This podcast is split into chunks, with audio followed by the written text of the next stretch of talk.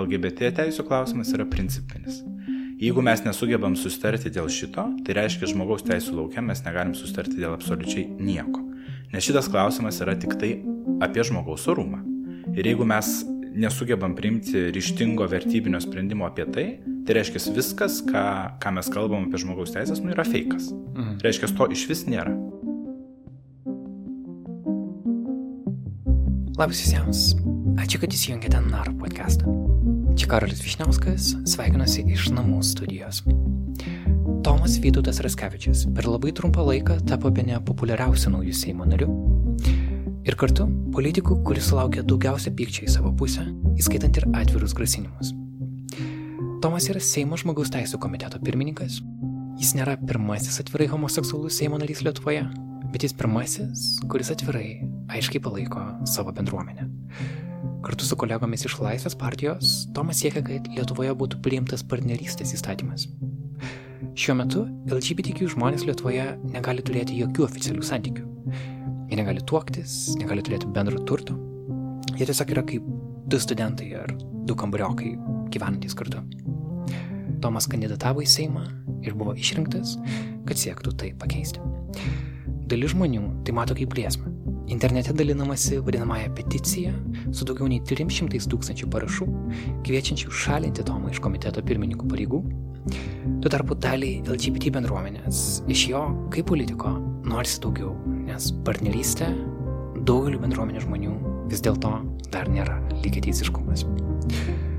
Aš aplankiau Tomą jo namuose Vilniuje, kuris gyvena vienas ir bando kažkaip laviruoti dabartinėje situacijoje. Norėjau suprasti, ką reiškia būti naujų politikų Lietuvoje, ką reiškia kelti idėjas, kurios ilgą laiką nebuvo keliamos ir kaip tu iš aktyvisto tampi politiku, ką tai praktiškai reiškia. Mes kalbėjomės kovo antrąją, kviečiu išgirsti.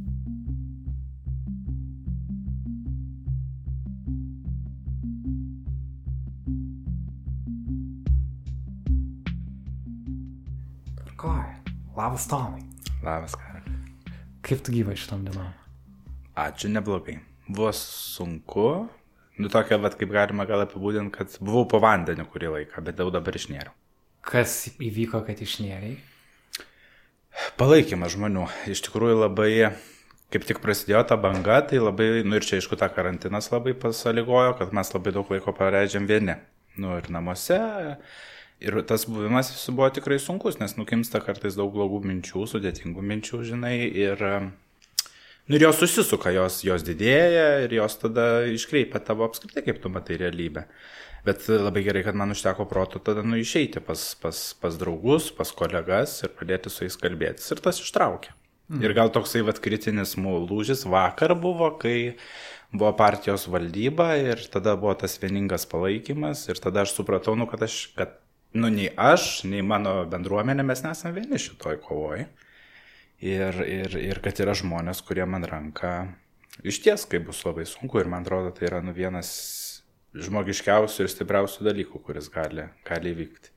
Nes šitoj, nes gal, nu šiaip aš esu toks labai, nu patriotų gal pavadinčiau, tai čia tinkamas toks žodis, kad aš kažkaip labai tikiu, kad Lietuva tokia būtų visa progresyvi, įtrauki Ir galbūt per, vis, va, per šitas dvi savaitės paskutinės, pirmą kartą aš taip e, reflektuodamas tą visą mūsų istorinę atmintį, pirmą kartą aš su, taip e, suabejojau, kad jeigu, e, nu, vat pasikeistų politinės aplinkybės, toks karas, tvanas, maras, tarkim, išnyksta institucijos valstybės, aš pirmą kartą suabejojau, ar mūsų nepastatytų prie sienos. Ir tai yra žiauriai baisus jausmas. Nu, jis labai, nes jis tada sutrauko tuos saitus, kuriuos mes jaučiam nu vienas su kitu. Tai jo, tai to jausmo aš labai įsigandau, bet nu, labai džiaugiuosi, kad, kad atsirado žmonės, kurie atsistojo šalia manęs. Tai va, ir tas sugrįžimas buvo tikriausiai va, iš tos labai tamsios vietos. Aš pamenu, mes ankstesnį kartą, kai kalbėjomės įrašai su tavimi, buvo 2016 metai. E, ir tada buvo labai džiugios nuotaikos. E, buvo įvykęs Baltic Pride, kuris tuo metu buvo rekordinis, susirinko apie 3000 žmonių. E, jame būnant atrodė, kad viskas lūžis įvyko. Ir atrodė, kad jeigu tu nori kažkokio pozityvumo apie visą Lietuvos istoriją, apie žmogus teisų situaciją Lietuvoje, tiesiog palygink Baltic Pride, koks jis buvo pats pirmas, kokia buvo baime, kiek buvo protestuojant ir palygink tą, kuris buvo 16 metais. Paskui buvo dar vienas, kuris jau atrodė tiesiog didžiulė šventė. Ir atrodė, kad šitą problemą mes tarsi išsprendėm. Ir dabar tu esi Seimo narys, tu nesi pirmas atvirai homoseksualus Seimo narys, bet tu esi pirmas, kuris atvirai kovoja už bendruomenę.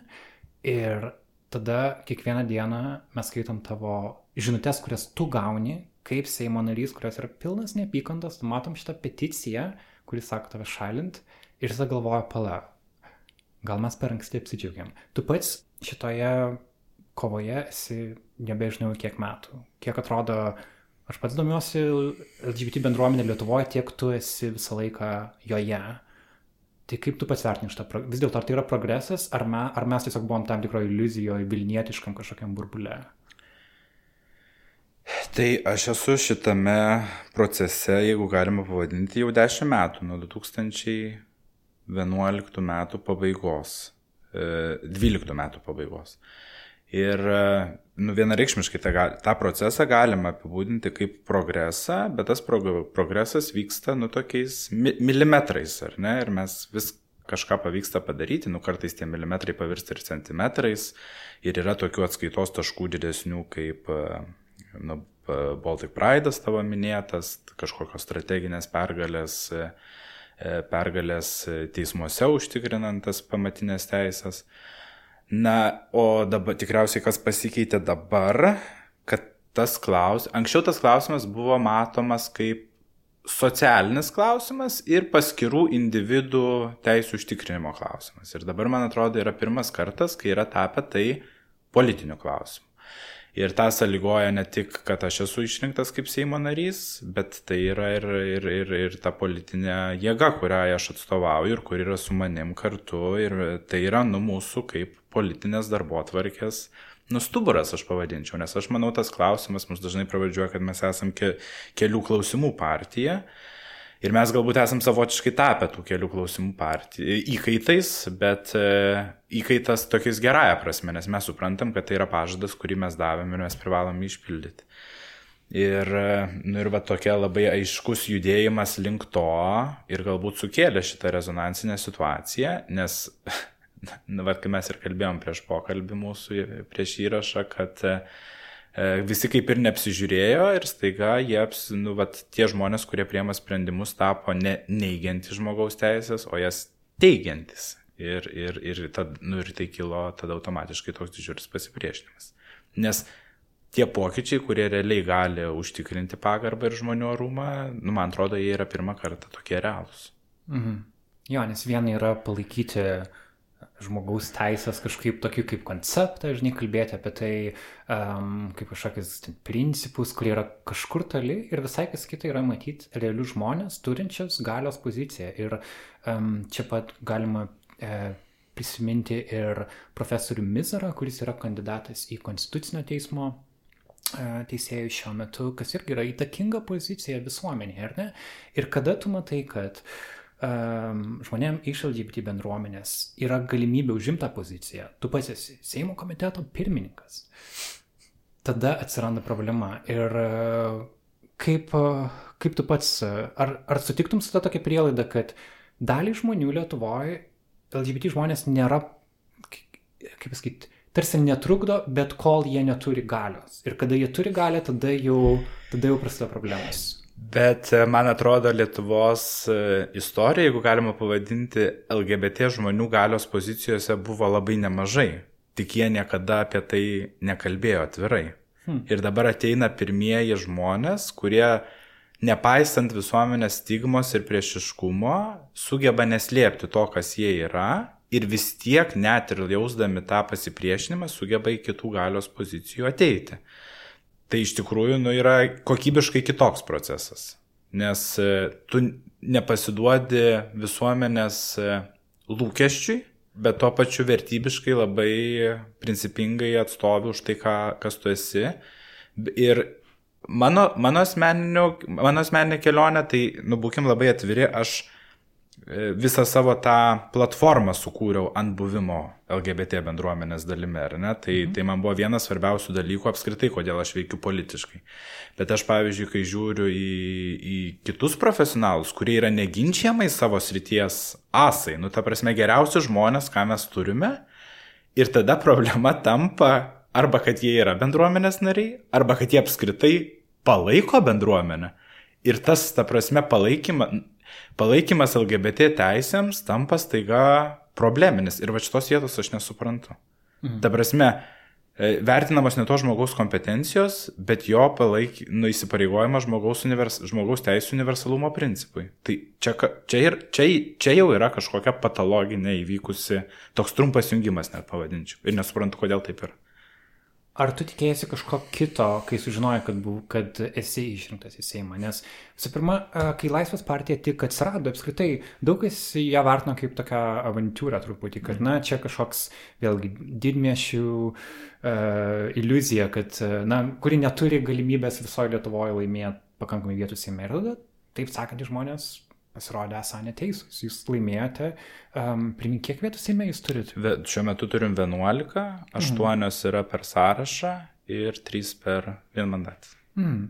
Tai kai jau sužinai, kad tu patekai, kad tu esi, tu per sąrašą patekai. Taip. Kad tu esi tame sąraše, tu gavai tą žinią, kokios buvo tavo mintys? Ar tu galvoji, kad, okei, okay, aš apie tai visą laiką svajojau, aš dabar tai galėsiu padaryti, ar tu galvoji, o velnas, dabar aš suprasiu realią realią Lietuvos situaciją. Tai kandidatavimas ir laimėjimas rinkimuose buvo kaip savotiškas, nu, toks gralis. Pasakykime, nu, vat, prizas, kurio tu sieki, arba tikslas, dėl kurio tu stengiasi. Nes aš kažkaip buvau įstikinęs, kad tai iš karto duos rezultatą. Ir aš taip pat galvau, kad, nu, okei, okay, ten mes padiskutuosim tam Seime, va, aš būsiu tas, kuris e, kalba tą temą ir va, susirinks 141 protingas, šviesus žmogus ir mes tikrai va, atsisėsim, pašnekėsim ir per šimtą dienų, aš, tik, aš tikrai tikėjau, kad mes per šimtą dienų sutvarkysim tą klausimą, nu, nes Nu, čia nėra apie ką diskutuoti iš esmės. Nu, tu čia... kalbėjai apie partnerystės klausimą. Taip, taip. Mhm. Ta prasme, viskas kaip, kaip ir aišku. Ir aš dabar, o dabar po šitos patirties aš suprantu, kad, nu, apie kokį šimtą dienų man darbo nešant vien šitą klausimą užteks ateinantiems ketveriems metams. Bet aš, vat, kai pradėjau dirbti Seime, tai, nu, tokia man yra, nu, buvo nuojauta, ta, nu, tai vad kaip dabar tu čia tipo būsi vieno klausimo politikas. Bet nesu aš vieno klausimo politikas, aš visą savo profesinį gyvenimą praleidau dirbdamas žmogaus teisų srityje, bet šitas klausimas, LGBT teisų klausimas, yra principinis. Jeigu mes nesugebam sustarti dėl šito, tai reiškia žmogaus teisų laukia mes negalim sustarti dėl absoliučiai nieko. Nes šitas klausimas yra tik tai apie žmogaus orumą. Ir jeigu mes nesugebam priimti ryštingo vertybinio sprendimo apie tai, tai reiškia viskas, ką, ką mes kalbam apie žmogaus teisės, nu yra fejkas. Mhm. Reiškia, to iš vis nėra. Nes mes neturim tos, to pamato, nuo kurio atsispiriam. Mhm. Ir gal labai šitai, tai ką sakau, gražiai susijęs su tavo tuo, tuo ankstesniu klausimu apie kandidatūras, kai, kai parama ir aktyvus įstraukimas į žmogaus teisų gynybą staiga tampa ne, ne, ne pliusu, bet, bet kažkokiu minusu, trūkumu mhm. žmogaus. Mhm. Bet čia irgi, um, aš kalbu apie Lietuvos visuomenę kaip kažkokį vieną monolitą, bet taip tikrai nėra.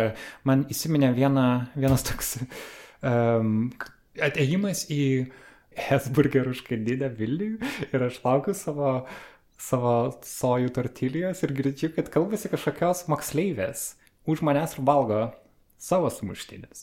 Ir jos kalba apie Tomą Vytautą Raskevičių ir sako, va, jis uh, jis kandidatuoja ir ten yra, uh, gal ten jam pavyks. Ir, ir atrodė, kad aš matau jaunus žmonės, kurie domisi politika. Pamenu, kaip aš pats buvau jų metų, politika atrodė kažkoks, vos ne, žinai, tai buvo Arūno Balinsko Seime pirmininkavimo metas. Tai atrodė kaip kažkoks pokštas, kad politika iš esmės eiti į politiką atrodė laiko švaistimas ir kad tai toks vos ne purvina tam tikra veikla, mm. kur tu iš karto esi kažkoks korumpuotas, kur, kur geriau, žinai, geriau kurti savo ten startupą.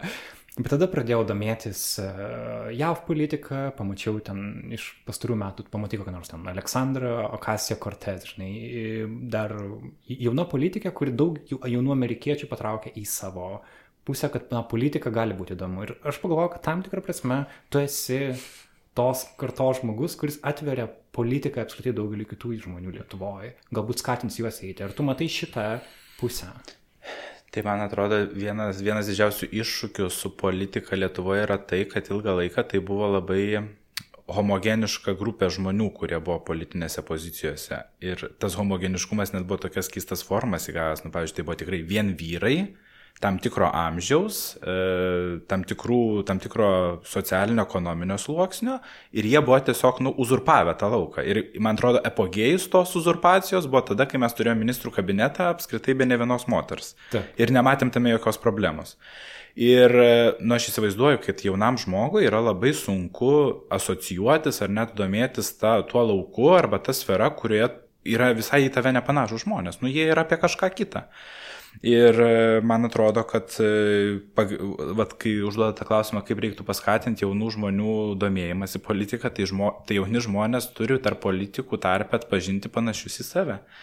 Ir e, va dažnai tokį juoką girdžiu, kad sako, nu, va, jūs tai tam seime atrodot kaip koralinės žuvis, karpius klydinam akvariume. Bet taip ir yra. Nu, ta prasme, mes jaunesnio amžiaus. Tai nėra jokių būdų jokia vertybė, bet nu, tai yra tiesiog kitokia savybė. E, išsilavinimas mūsų yra visų humanitarinis praktiškai arba socialinių mokslų. E, mes atstovavom visi kažkokius e, nu, atskiras visuomenės grupės, ar tai būtų žmonės turintys skirtingą galę, ar kas besidomisi, ar narkotikų politika, ar, ar įkalinimo įstaigų politika ir atsinešti tokias temas, kuriuo anksčiau apskritai nu politikoje jos buvo tokiuose paraštėse. Ir tada sakai, palauk, nu, yra tam tikra visuomenės grupė, kuriai tos temos yra beprotiškai svarbios. Tai aš apskritai kaip norėčiau, nu, vat, į Seimo sudėtis yra tokia kaip savotiška mozaika. Ir ta mozaika susideda iš žmonių, kurie reprezentuoja skirtingas visuomenės grupės. Tai labai norėtų, tai jau šitoj kadencijoje jau yra truputėlį taip e, gaiviau, jau galim pasakyti, nu, va, yra ir LGBT žmogus atviras, ir du žmonės judė, turintys judėjimo ribotumą, moterų yra daugiau, yra žmonių, kurie atstovauja etninėms e, mažumoms, tai, tai labai gerai, nes nu, visuomenė mūsų yra vyri, bet norėtųsi dar daugiau tos įvairios. Dar to pusam, pusamžio e, heteroseksualaus baltožio vyro su prastu kostiumu yra vis dar per daug. Nusipirkai pats naują kostiumą, klitapą jisai matė. Tikrai taip. Bet e, kalbant apie kostiumus, man atrodo, kad, žinai, bandžiau suvokti, iš kur kyla tas specifinis pyktis tau kaip asmenybei Taip, viena vertus, tu turi dabar politinę galę, tai turbūt dalis komponentų yra to, bet ką žmonės, kuo dalinasi internete, dažnai tai yra tiesiog tavo fotografijos, kur tu esi persirengęs, vadinamai, in, in drag, ir žmonės to dalinasi ir tiesiog sako, na, na pažiūrėkit, ar čia, ar čia normalu, žinai, tarsi būtų ištraukę tas nuotraukas iš kažkokio slapto archyvo, žiūrėkit, aš radau šitą nuotrauką, nors jos yra visiškai viešas tavo paties, tavo paties profilyje taip pat. Ir man atrodo, uh, šitas kažkaip žmonės labai, labai sudirgina, kad uh, tarsi, kad jeigu tu būtum gėjus, bet su tuo va, tradiciniu kostiumu, tai gal ir būtų viskas tvarkoja, bet jeigu tu esi gėjus in drag, tada, tada jau yra riba peržengta. Bet tu niekada to nes, tu pat net į vienus debatus ėjai irgi in drag. Ir tai buvo tavo tavo pozicija, tiesiog būti šimtų procentų savim, turbūt, aš nežinau, gali, gali apie tai mhm. draugų papasakoti, kokia yra filosofija už to, nes dalis žmonių galbūt tiesiog to, gal jie, žinai, nežiūri ten Ru RuPaul Drag Race ir jie nežino visos tos mm. idėjos už persirengimo. Filosofija tai buvo trejopa. E, visų pirma, tai buvo priemonė dėmesio atkreipti ir tą sakau labai atvirai. Na, kai tu esi rinkiminiai kampanijai, kai tu nesi politikas, kai tu nesi super viešas asmuo, tai, nu, praktiškai tu bandai perlipti per labai didelį slengstį, ar ne? Taip, nu, tas įėjimo slengstis vadinamas, ar ne? Tai tada ta, turi galvoti out of the box ir sugalvoti priemonės, kurias padėtų tau tą įeiti. Tai čia, pasakyčiau, galbūt pagrindinė priežastis. Antra priežastis buvo Šiaip žmonės turi labai daug stereotipų apie LGBT žmonės, turi labai daug stereotipų apie homoseksualius vyrus. Vienas iš tų stereotipų, kad homoseksualus vyrai yra maneringi, moteriški, dažosi, aukštakulniai, perukai. Tai ką aš norėjau padaryti? Aš norėjau paimti tą stereotipą, paversti jį realybę, na ir parodyti žmonėms. Ir kad jie suprastų, kad tai, ką jie galvoja apie homoseksualius vyrus, yra tiesiog paprasčiausiai kvailystė. Nu taip nebūna. Tai yra tiesiog personažas ir to, tokia kaip fikcija, mhm. kuri jų galvose labai e, egzistuoja. O, o trečias aspektas buvo, vat, ir kuris buvo, yra susijęs su tuo, kad kai tu įvardėjai, kad aš ir į politinius debatus ėjau taip apsirengęs, tai E, vėlgi susijęs su to įimos lenkščiu, nes tu, kai vat, bandai įeiti į politinį procesą, tai tau yra labai greitai primetamos to žaidimo taisyklės. Nu, tai va, reiškia, balti marškiniai, pilkas kostiumas, e, banalybės, nekalbam apie reikalo esmę, tokios politkorektiškos formuluotės. Nu, tai aš galvoju, palaukit, aš vis tiek to žaidimo nelaimėsiu, nes jūs įmokate žaisti geriau. Tai aš tiesiog, e, nu, tiesiog išmušiau visus iš vėžių, ateidamas pasiūlydamas savo taisyklės ir buvo labai įdomu, kad, nu, ta prasme, yra tų, yra tų debatų net video įrašas ir jį tikrai galima pa, pa, ir iš psichologinės perspektyvos e, panalizuoti. Ta prasme, ten buvo pirmas vienmandatės turas, tai ten mūsų buvo 11 ar 13, labai daug tų kandidatų. ir, ta prasme, visi žaidė pagal vieno žmogaus užduotą toną. Nes tas žmogus, tai buvo aš, drag kostiumu, buvo tas rožinis dramblys kambaryje. Nu, tai šiaip tai buvo labai gera, labai gera patirtis. Ar buvimas su kostiumu tau suteikia kažkokią galę tam tikrą, galbūt net atsitraukimą nuo... Kai tu esi personaže, ar ne, mm -hmm. tada tu esi mažiau galbūt toks, koks esi viduj pats ir gal politikoje žmonės visi mhm. yra truputį personaže. Mm. Ir e, tai yra būdas, tam kaip tam tikras šarvas taip, kai tu būni personaže, tavo ta truputėlį ir komunikacija, ir bendravimas pasikeičia, e, bet e, po rinkimo aš pasakiau vieną frazę viešai spaudos konferencijoje. Ta frazė buvo tokia, kad man reikėjo apsirengti klaunų, kad, kad, na, kad visuomenė, kad politikai išgirstų. Tai iš esmės aš savo tą personažą pavadinau klaunu. Ir e, buvo labai daug bendruomenės narių, kurie įsižeidė dėl to. Mm. Ir, ir aš gavau žinučių, kad e, tai reiškia, tai tau yra ne, ne kultūros dalis, o tai yra tik tai priemonė dėmesio atkreipti. Ir aš po to labai reflektavau tą, tą pasakymą ir tą visą patirtį. Ir aš vad žiūriu, kaip e, jokia nidė rinkiminės kampanijos metu ir man atrodo, kad jinai yra labai pikta. Mm. Ta prasme tikrai pikta, pagėžinga, provokuojanti. Ir aš šiaip nenorėčiau, kad jinai tokia būtų, nes tas personažas yra mano, nu kaip pasakyti, savotiška gyvenimo dalis, nu jis egzistuoja kažkur spintoje, ar ne, ir, ir kartais pasirodo. Tai aš sakiau, esu savo davęs pažadą, kad tokia nidė tik tai sugrįž tada, kai, kai bus ką švesti ir tada jinai bus labai labai džiugi. Mm. Mm. Kad būtų ką švesti, koks yra tavo planas minimum, kuriuo tu būtum, tu jaustum, kad šis laikas, šitas, per kurį dabar tu eini, kad jis būtų pasiteisinęs. Nes yra skirtingi lygiai, ar ne? Ir daliai LGBT bendruomenės žmonių atrodo, kad gal net ir partnerystė yra nepakankama, ar ne? Yra oficiali mm. santoka, yra tas pats įvaikinimas. Yra e, klausimai, kurių Lietuvoje dabar atrodo, net ir tu pats tarsi nusprendėjai Tiesiog nekelti, ne, nekelti jų. Ir, ir pasilikti ties partnerystę kaip tokiu labiausiai įmanomu variantu? E, tai mano tikslas ir jis e, absoliutėja, jeigu galima tai pasakyti.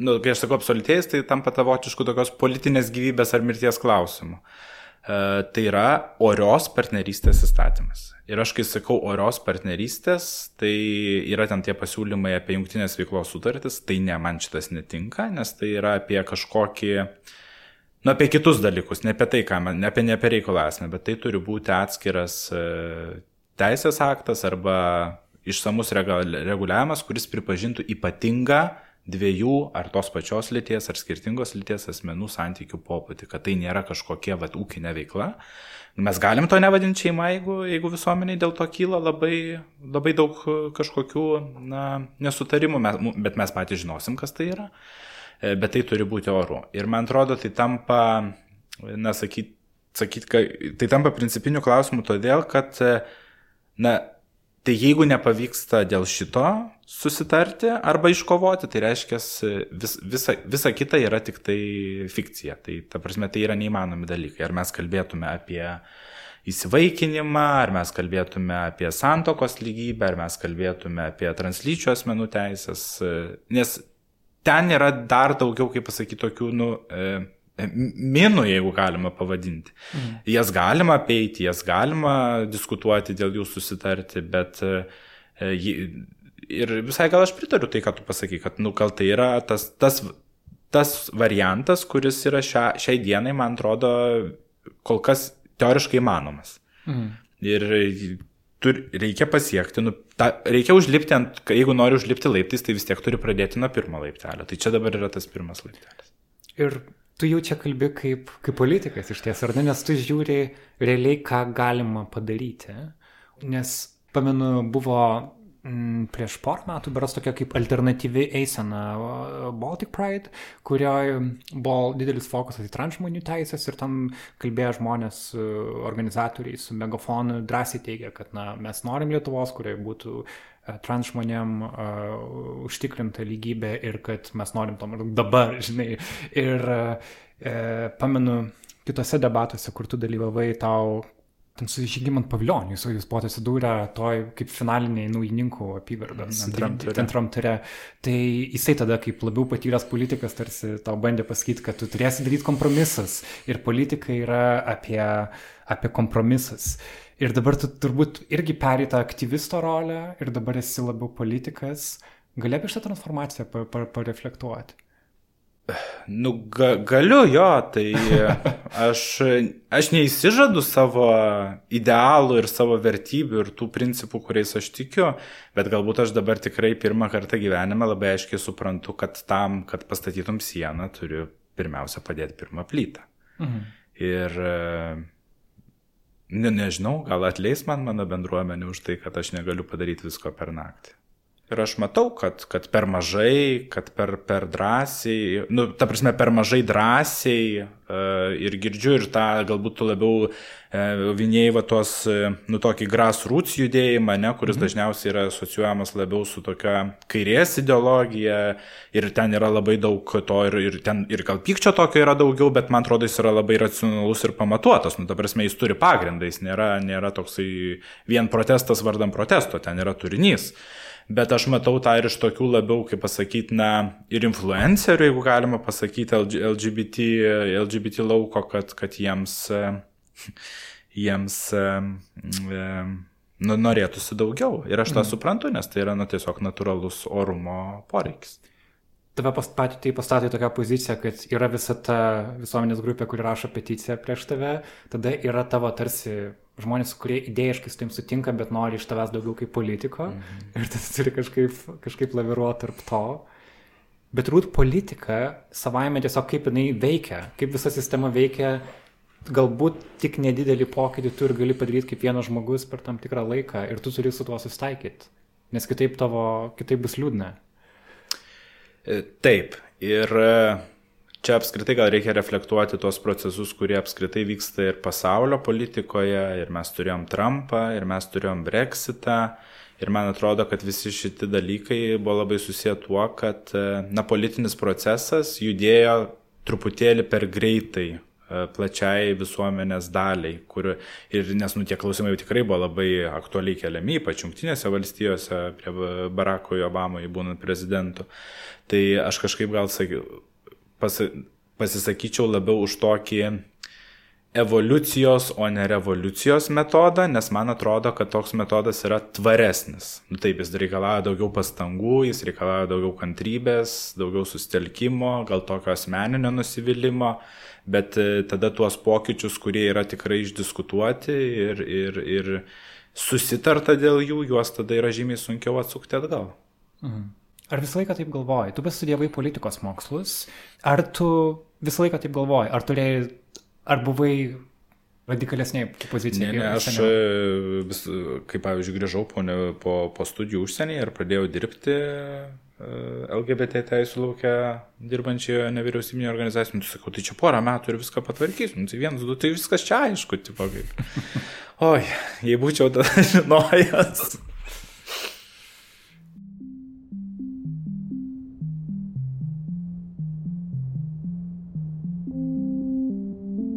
Noriu padėkoti žmonėms, be kurių nara žurnalistikos nebūtų, arba ji būtų daug mažiau galinga. Tai yra mūsų patronai. Ačiū naujausiams jų. Tai yra Jeva Bisigirskaitė, Kornelija Čiapytė, Justina Kutskailienė Maslauskaitė, Justė Kubertavičiūtė, Sandra Antanavičianė, Kristina Monika Brazaitytė, Greta Laukaitinė, Kristė, Karolina Panto, Eglės Ky, Gabrielė Vilkitskytė, Skirmantė Tumosaitė, Indrė Lebedytė Mečioninė, Valdemaras Pipiras, Arnoldas Danevičius, Agne Abramaitytė, Neringa, Leonora Polcevičiūtė, Rasa Masiliūnė, Deimantas Aladžius ir Valdemaras. O savo skiriamą sumą padidino Kamilė Čiautkaitė ir Inga Jarmoškaitė. Mūsų 100 eurų per mėnesį patronai yra Mailer Light, Blossomwood Foundation ir Ramūnė Tam. Ačiū Jums visiems. Prisijungti, tai dar nepadarysiai, galite adresu patreon.com/naralt, kaip vienas žodis. Primenu, kad Nara dabar yra ne tik podcastų erdvė, podcastų mes leidžiame šiek tiek mažiau, bet juos vis dar atnaujiname, bet dabar daug fokuso dedame į tekstus. Jeigu nueitumėte į Nara LT tinklalapį dabar, ten rasite daug tokių vadinamųjų long form publikacijų, ilgo metro žurnalistikos. Pavyzdžiui, vienas šviežiausių tekstų yra kolegės Martino Šulskutės, kuri rengia pasakojimą apie šiuo metu vykstantį karinį konfliktą Etiopijoje, siekia paaiškinti, nuo ko jis prasidėjo ir kaip jaučiasi žmonės atsidūrę skirtingose pusėse. Visas medžiagos yra atviros Nara LT tinklalapyje. O dabar grįžtame į interviu su Seimo žmogaus teisų komiteto pirmininku Tomu Vytautu Raskevičiumi.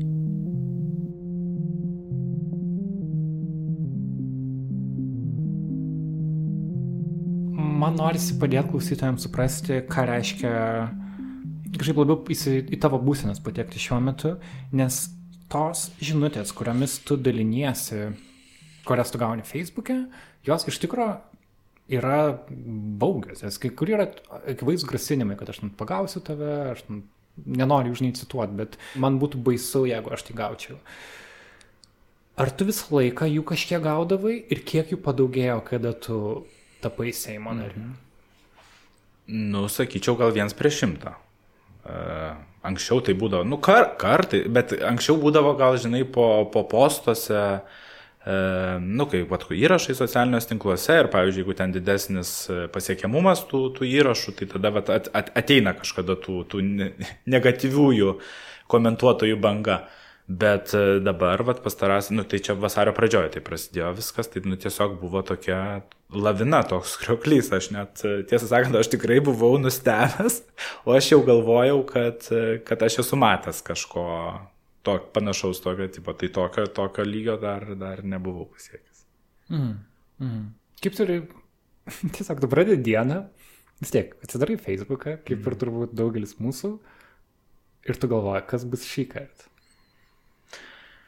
Nu, matai, kai kurie, vat mano kai kurie, kaip pavadinti juos, patarėjai, nu, ta prasme, mano komandos žmonės man primiktinai prašė manęs, tu neskaityk. Ir, ir dėl to viešinimo mes neturėjom vienodos pozicijos, sakė, na, tu viešindamas iš savęs auką darai, bet man atrodo, buvo labai svarbu, buvo labai svarbu skaityti ir buvo labai svarbu parodyti kitiems, e, kas vyksta. Nes aišku, tas parodimas kitiems buvo ir tokia E, savotišką psichoterapiją, nes, e, nu, tada tu turi, tu turi įgauni grupę palaikytojų, kurie kartu su tavimi išgyvena tą neigiamą patirtį. Aš žinau, ir aš žinau, kad galbūt aš tą reprodukuoju, tą žinutę, kuri skirta tik man, pasidalindamas padarau, kad jinai tam paskirta mums visiems ir ne tik mano bendruomeniai, bet ir apskritai platesniam žmonių ratui, bet man tos pagalbos reikėjo. Ir žmonės labai, tikrai labai, labai e, palaikė mane šitoje vietoje. Ir matai, ir aš, e, vat apie tą dalinimąsi apskritai kalbant, tai aš dalinuosi, nu, yra tos žinutės, kurios yra jau, kaip pasakyti, baudžiamojo nusikaltimo sudėtis, tai aš dėl tų kreipiuosi į, nu, tiesiog skundus pateikiu policijai, tai tokių dabar pradėtų iki teisminių tyrimų yra penki. Nu, tai yra to apie tokias, tokius, tokias žinutės ar komentarus, kurios yra tiesiogiai smurtauti skatinama. Bet tuos, kur nepagarbius, žeminančius komentarus, tai aš tiesiog pasidalinu ir, ir, ir, ir, nu, ir su tokiu noru parodyti, kad mes gal, kai mes kartu, kai mes viens kitą palaikom, tai mes kaip ir galim juoktis iš to surasti kažkokį būdą. Jo, tu prie kiekvieno iš tų įrašų tu pasidalini kažkokį tokį švaigščių komentarų. Nu, maždaug kokį. Ir jinai, ir jinai tikrai atspindi, tai, bet, aišku, jos sukelia visos neigiamą emociją, bet tas, va, ta, ta jokinga frazė yra, nu, bet kaip aš galėčiau ją, ją atmušti. Bet kelis kartus buvo pasidalinus tais komentarais, su manim susi, bandydavo susisiekti tiesiogiai to komentaro autorius. Ir tas susisiekimas visais atvejais buvo susijęs su viešumu, hmm. kuris kildavo dėl to komentaro. Ką jis prašydavo panaikinti? Jo, ir vienas tokių įdomesnių buvo prieš porą savaičių, penktadienio vakarą, man vienu komentaru pasiūlė nusipirkti biletą, nu, išeiti iš Seimo ir nusipirkti biletą į Afriką. Ir aš vat, pas, pas, pasidalinau, kad vat, penktadienio vakar, savaitės pabaigai bilietukas į Afriką. Ir aš, supranti, ir aš kadangi gaunu tų komentarų daug, aš tikrai nežiūriu, kas tie žmonės, ta prasme, nenagrinėjau jų profilių, nuotraukų, nei kas ten skelbiama apie juos viešai. Ir aš pasidalinau to komentaru ir tikrai man po gal kokio pusvalandžio man skambina telefonu. Alio, alio, nu čia toks ir toks, jūs ką tik mano komentaru pasidalinate. O sakau, nu taip, pasidalinau. Sako, gal galite išimti? Nu ir aš tada jungiau tokią heteronormatyvę leksiką, sakau, nu žinot, mes vyrai esam, tai už savo bazarą reikia atsakyti. Ir taip, žinai, tvirtai. Nu, ir aš tengiuosi, žinai, ne, nors konkuliuoja viduje, bet, bet nesi, nesi, nesi, nesi, ne, nustengiuosi tų emocijų neišduoti. Ir E, tada tas man žmogus pradėjo siūlyti, nu kaip e, netiesiog, nu sustartys man pradėjo siūlyti. Tipo, kad aš nežinau, ar jis man sumokėti galėtų, ar, ar kažkokių, nežinau, kitokiais būdais, kad e, tą ir aš po to nusipratau, kame ten buvo šaknis, nes jis tiesiog, jo, jo darbo pobūdis ir darbovietė yra tikrai susijęs su pasiturinčiais, su turtingais žmonėmis, mm. kurių dalis tikrai yra LGBT žmonės. Mm. Ir, nu, ta prasme, tai yra tikrai, na, nu, aš nenoriu to įvardinti kaip pamoką, aš norėčiau tą įvardinti kaip atsakomybę. Jeigu tu randi savo laiko, nu, nes vis tiek parašyti asmeninę žinutę, tai nėra taip, kad tavo informacijos raute kažkas, kažkas įvyksta, tu sąmoningai, Taip. tu turi, to, turi jausti tokią neigiamą emociją, kad sąmoningai turi surasti Facebook'e tą žmogų ir jam parašyti asmeninę žinutę. Ir nepaisant tos emocijos stiprumo, vos tik tai tai atsisuka prieš tave, tau grįžta bumerangų, tu iš karto keli rankas į, į viršų ir, ir, ir, ir sakai pasiduodu. Tai va šitą, va šitą istoriją reflektuojant, man yra ypatingai įdomi ir vieno kunigo, kuris yra mm. dabar linksniuojamas viešoje erdvėje. Nes jis parašė, Jis parašė, sutinku, tai yra jo žodžio laisvė, jo įstikinimai, jo atstovaujamos institucijos pozicija ir aš ją labai gerbiu ir manau, kad jis ją turi reikšti. Bet tada tie influenceriai triukšmavo po jo to postu ir išsigandęs netriukšmo, įsigandęs pasiekmių, kas jo gali laukti socialiniam gyvenime, tai reiškia, kad jo nekvies į vakarėlius, kad jisai ne, nekrikštys žymių, žymių tėvų vaikų, jis tą postą redagavo, po to galiausiai ištrynė. Ir tada jisai tapo, nu, va tos mažumų diktatūros auka. Nugi, nugi taip yra suformuoluota dabar viešoje erdvėje. Taip, ir pats prezidentas pasakė, ir, esmės, nu, kad stoja. Apie mūsų šalies vadovą, nu, tai jo yra teisė ginti tuos, kuriuos jis mano, kad reikia ginti, bet, žinot, man tai yra, bet, bet tai yra veidmainys. Bet tavęs, jeigu kalbame prezidentą, jis neparašė tavo asmeninių židučių. Tai prasme, kad su kažkokio palaikymu nieko tokio nebuvo. Ne. Hmm. Mhm. Mhm. Ir kalbant apie socialinius tinklus ir, tu, tu minėjai, kad pradėjai užsimti LGBT aktyvizmu maždaug prieš dešimt metų. Tuo metu buvo truputį kitokios nuotaikos. Atrodė, kad tai yra įrankis įgalinti mažiau girdimų žmonės išgirsti jų balsą, ar ne? Kad, daug, kad va, tie vadinami grassroots judėjimai tikėjo, kad Twitteris bus mūsų ginklas, ar ne, kad Facebookas bus mūsų ginklas, um, kad ko žiniasklaida neparašo, mes parašysim patys. Mm. Ir štai dabar, 2021 metais, mes kaip visuomenė esam karantinė ir jį verda ir viskas vyksta ten, tokiam paraleliniam gyvenime. Koks tavo paties, kokia išvada, kaip su tuo gyventi, nes socialiniai tinklai niekur nedings, bet jie veikia, veikia tavo būsenas, veikia tave kaip politiką. Kokias išvadas tu pasidarai iš to? Aš manau, kad apskritai yra dabar ta uh, vieš, na, tas viešas gyvenimas, realus gyvenimas, jis yra labai glaudžiai priartėjęs prie to virtualaus, virtualaus to pokalbio ir, ir, ir tos erdvės. Ir užtenka frazės Facebook'e ir, ir tai gali turėti labai realias pasiekmes viešam gyvenime. Aš nemanau, kad tai yra blogai. Aš mhm. manau, kad socialiniai tinklai uh, suteikia unikalią galimybę kalbėti su žymiai platesniu, nepaisant to algoritmo, kuris yra užkoduotas kiekvieno socialinio tinklo logikoje, kad, tu, kad tai matot žmonės, kurie turi tą pirmiausia pamatyti. Man asmeniškai kaip politikui, kuris kalba socialinės grupės balsu, kuri yra mažumoje, man socialiniai tinklai buvo pas, tai buvo pas didžiausias mano ginklas. Aš rinkimus laimėjau per socialinius tinklus. Hmm. Nu, aš taip, aš taip įsivaizduoju. Mhm. Mhm. Aišku, tas įdirbis mano ir, ir, ir kitas matomumas jis buvo svarbus, bet e, praktiškai visą agitaciją mes darėm tik tai socialiniuose tinkluose. Mhm. Mhm.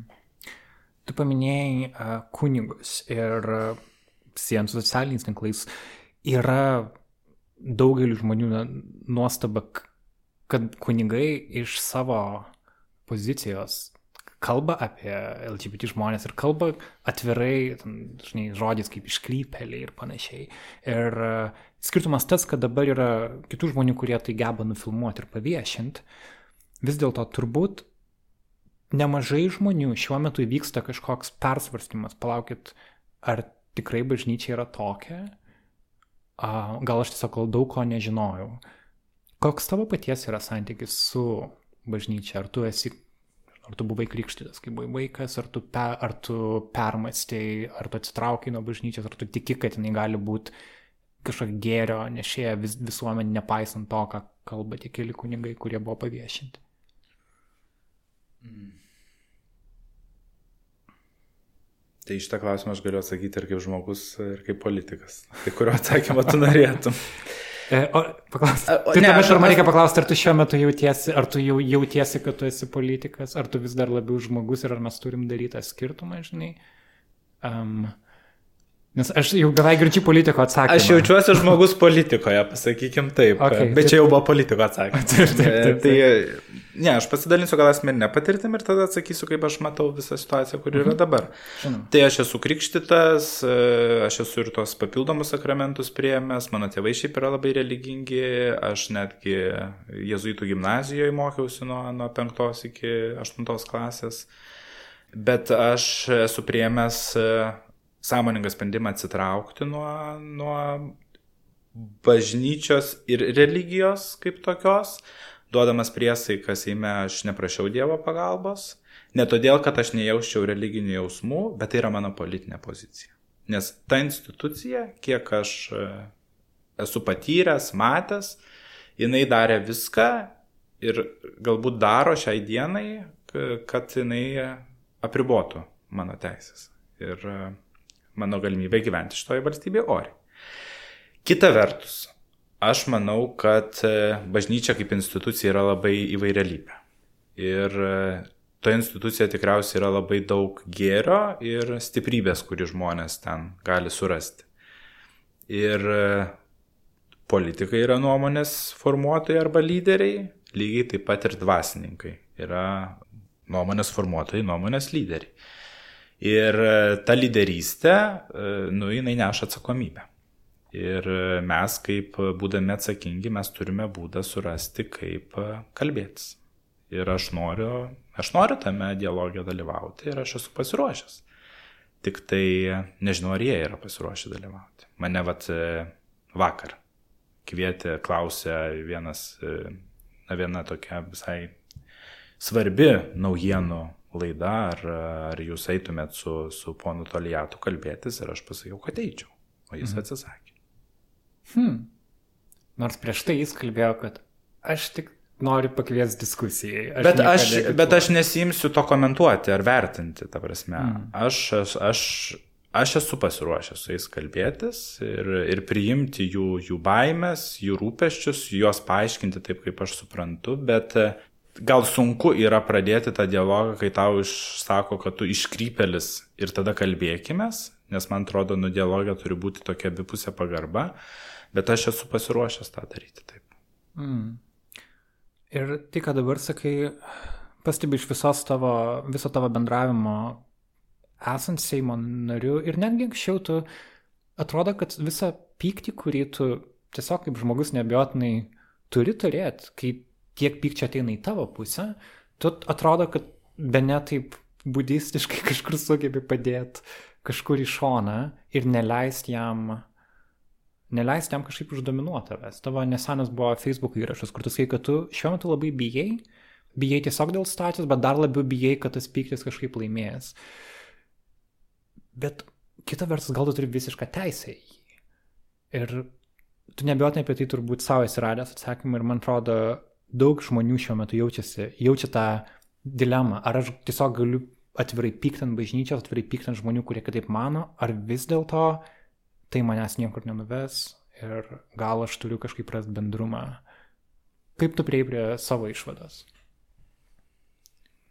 Aš manau, kad žmog, žmogiškai tai yra labai svarbu savo leisti, supykti ir pykti, ypatingai jeigu tą pykčio akimirką sugebė atsitraukti. Na ir nepradėti daryti veiksmų, klaidų, postų, įrašų. Tiesiog ženk tris žingsnius atgal, leisk savo pykti ir tada, kai baigiai pykti, grįžk ir toliau daryk tai, ką, ką tu darai. Tai man atrodo, aš tą ir man sekasi tą daryti, kad aš pykčio arba įsiučio įtužio akimirką nepradedu nu, vad, neištraukiu napalmo ir nepradedu aplink save visų deginti su, su ugnimi.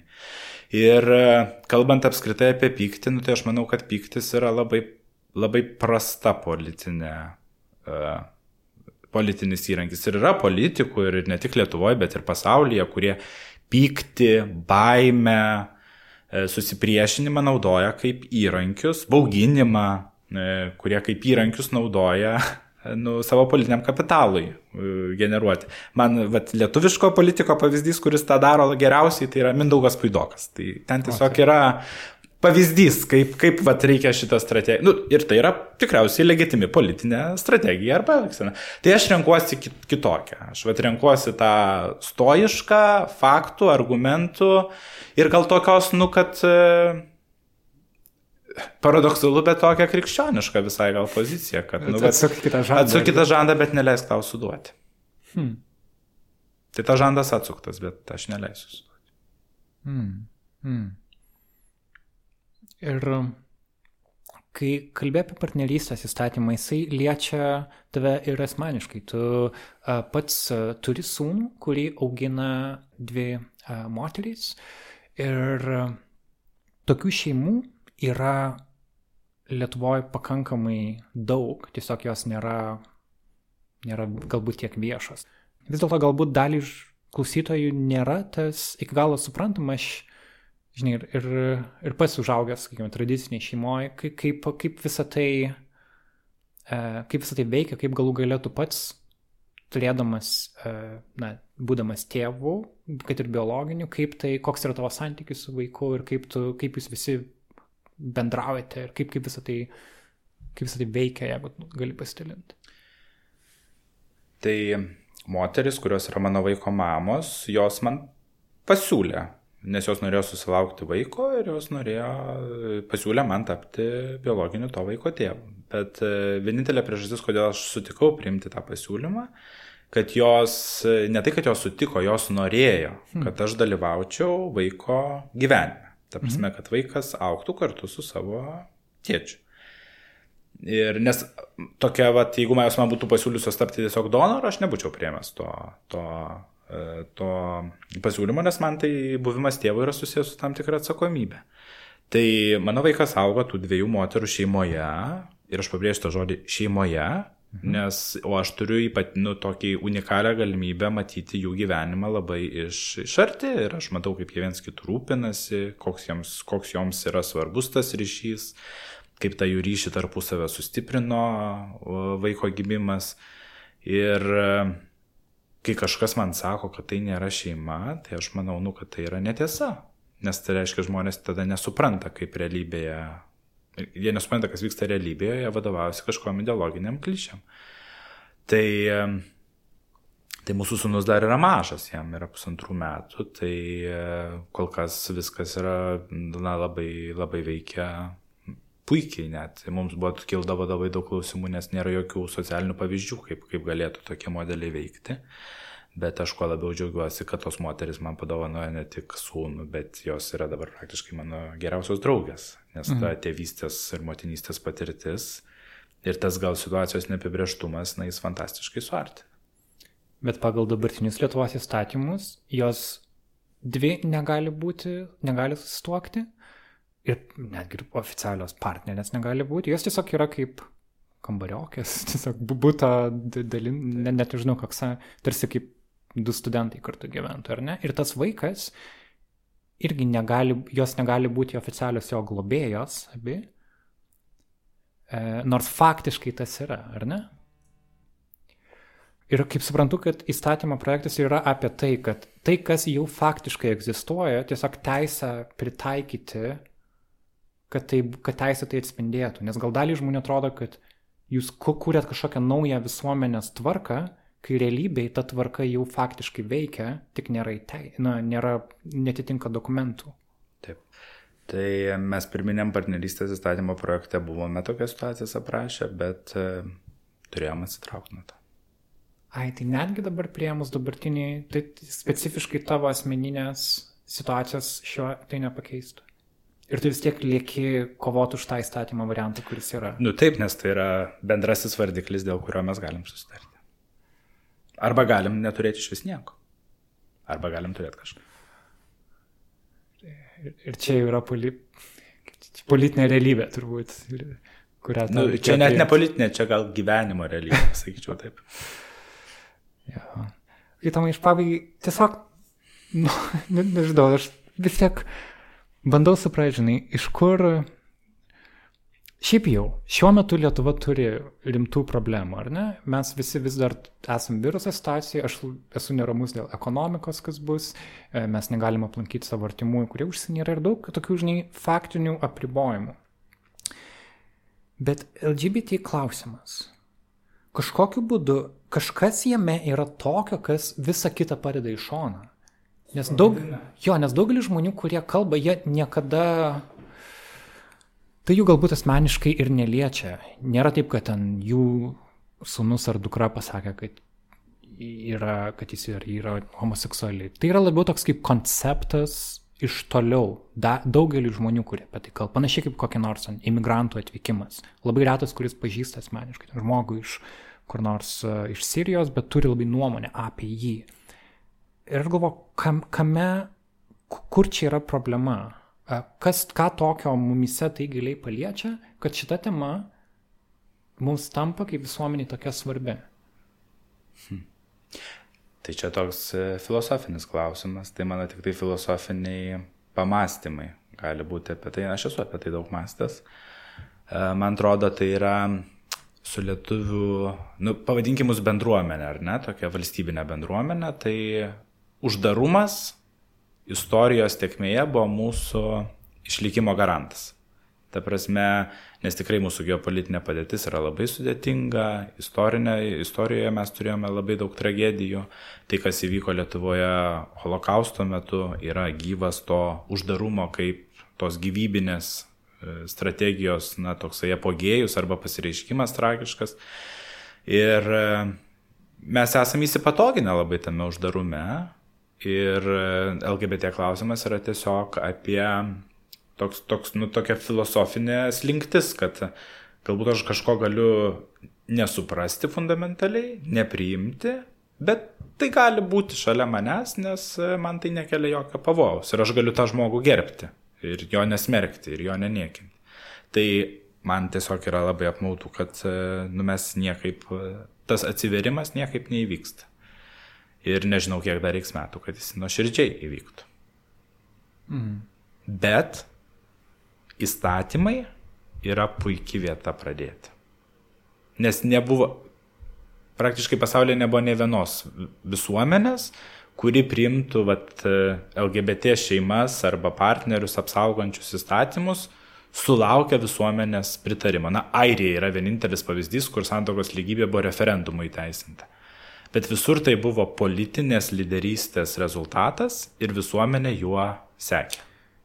Jo, nes šitose diskusijose um, dažnai yra minimas mirties bausmės Lietuvoje argumentas, ar ne, kad jeigu mes norėtumėm referendumo, šito klausimu turbūt mirties bausmė Lietuvoje dar veiktų, nes dalis žmonių demokratiją suvokia kaip daugumos balsą, kas yra, kas nėra tiesa. Nes demok demokratija yra iš esmės mažumų Teisų Mažuma. apsaugojimas. Taip. Esant daugumos, taip, valdžiai. Hmm. Ir grįžtant prie mūsų interviu tada 16 metais, aš klausiu tavęs, pamenu tada, kada, žinai, kada tu jausi, kad jau, kad darbas baigtas. Ir tu sakai, kad e, jis niekada nebus baigtas, nes tu visą laiką toj mažumoje būsi. Ir tada, tai irgi buvo savotiškas toks realybės pripažinimas, bet buvo kažkaip, kažkaip liūdna tada atrodė, kad, e, kad taip yra. Ir, ir kaip tu esi tai priemęs, kad, kad tu būsi turbūt to, tokia visuomenė, kokia yra dabar Lietuvoje, kad tu visą laiką truputį outsiderių būsi tam na, pagal visuomenės, nežinau, situaciją dabar. Ar, ar tai tau nekeli minčių tiesiog kažkaip palikti šaliai, ar, ar tiesiog bandyti keisti, kas nuo tavęs priklauso? Aš turiu vieną gerą bičiulį, kuris yra išemigravęs į Floridą. Ir Ir jis iš pradžių nelegaliai išvyko, dabar jau ragavęs pilietybę. Ir jisai Floridai ten dirba tokiam, nu, kaip rezorte, paplūdimyje. Ir va ten, aš kaip suprantu, ten daug e, gėjų vyrų atvažiuoja. Ir jis, ir jis dirba bare ir jisai verda, nu, kokteilius maišo.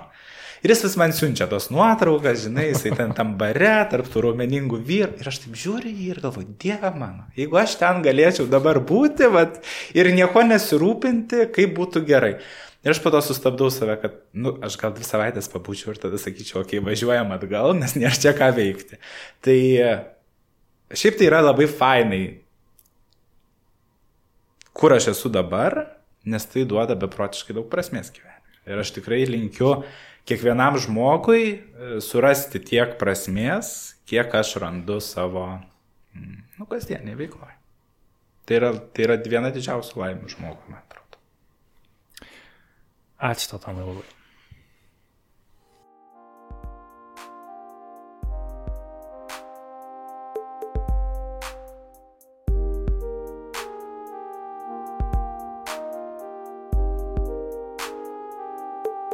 Toks mūsų epizodas šiandien. Ačiū, kad buvote kartu. Girdėjote interviu su Seimo žmogaus teisų komiteto pirmininku Tomu Vytautu Raskepčiumi. Tinklalapyje Nara LT pamatykite Tomo fotografijas, jų autorė yra Severina Venskutė. Taip pat ten galite rasti ir išrašytą tekstinę interviu versiją. Ačiū kolegai Karuliui Pilypui Liutkevičiui, kuris padėjo tvarkyti įrašo garsą. Ačiū Indrei Kiršaitai ir Karinai Gervytėjai už pagalbą rengiant tekstinę interviu dalį. Ir ačiū Martinui Gailiui, kurio muziką girdite Nara podcastuose. Jis yra jos kompozitorius. Jeigu jums patinka tai, ką darome, jeigu norite palaikyti mūsų komandą, dar kartą primenu, adresas tai padaryti yra patreon.com/naralt. Jeigu šiuo metu jūsų finansinė situacija sudėtinga, galite tiesiog pasidalinti kažkuria iš publikacijų, galbūt interviu su Tomu. Nebūtinai dalintis dažnai toksiško interneto erdvėje. Galite tiesiog rekomenduoti draugui, nusiųsti žinutę, pasakyti gyvai telefonu, kaip jums patogiau. Mano vardas yra Karolis Višniauskas. Ačiū, kad esate kartu. Greitai susitiksim. Iki.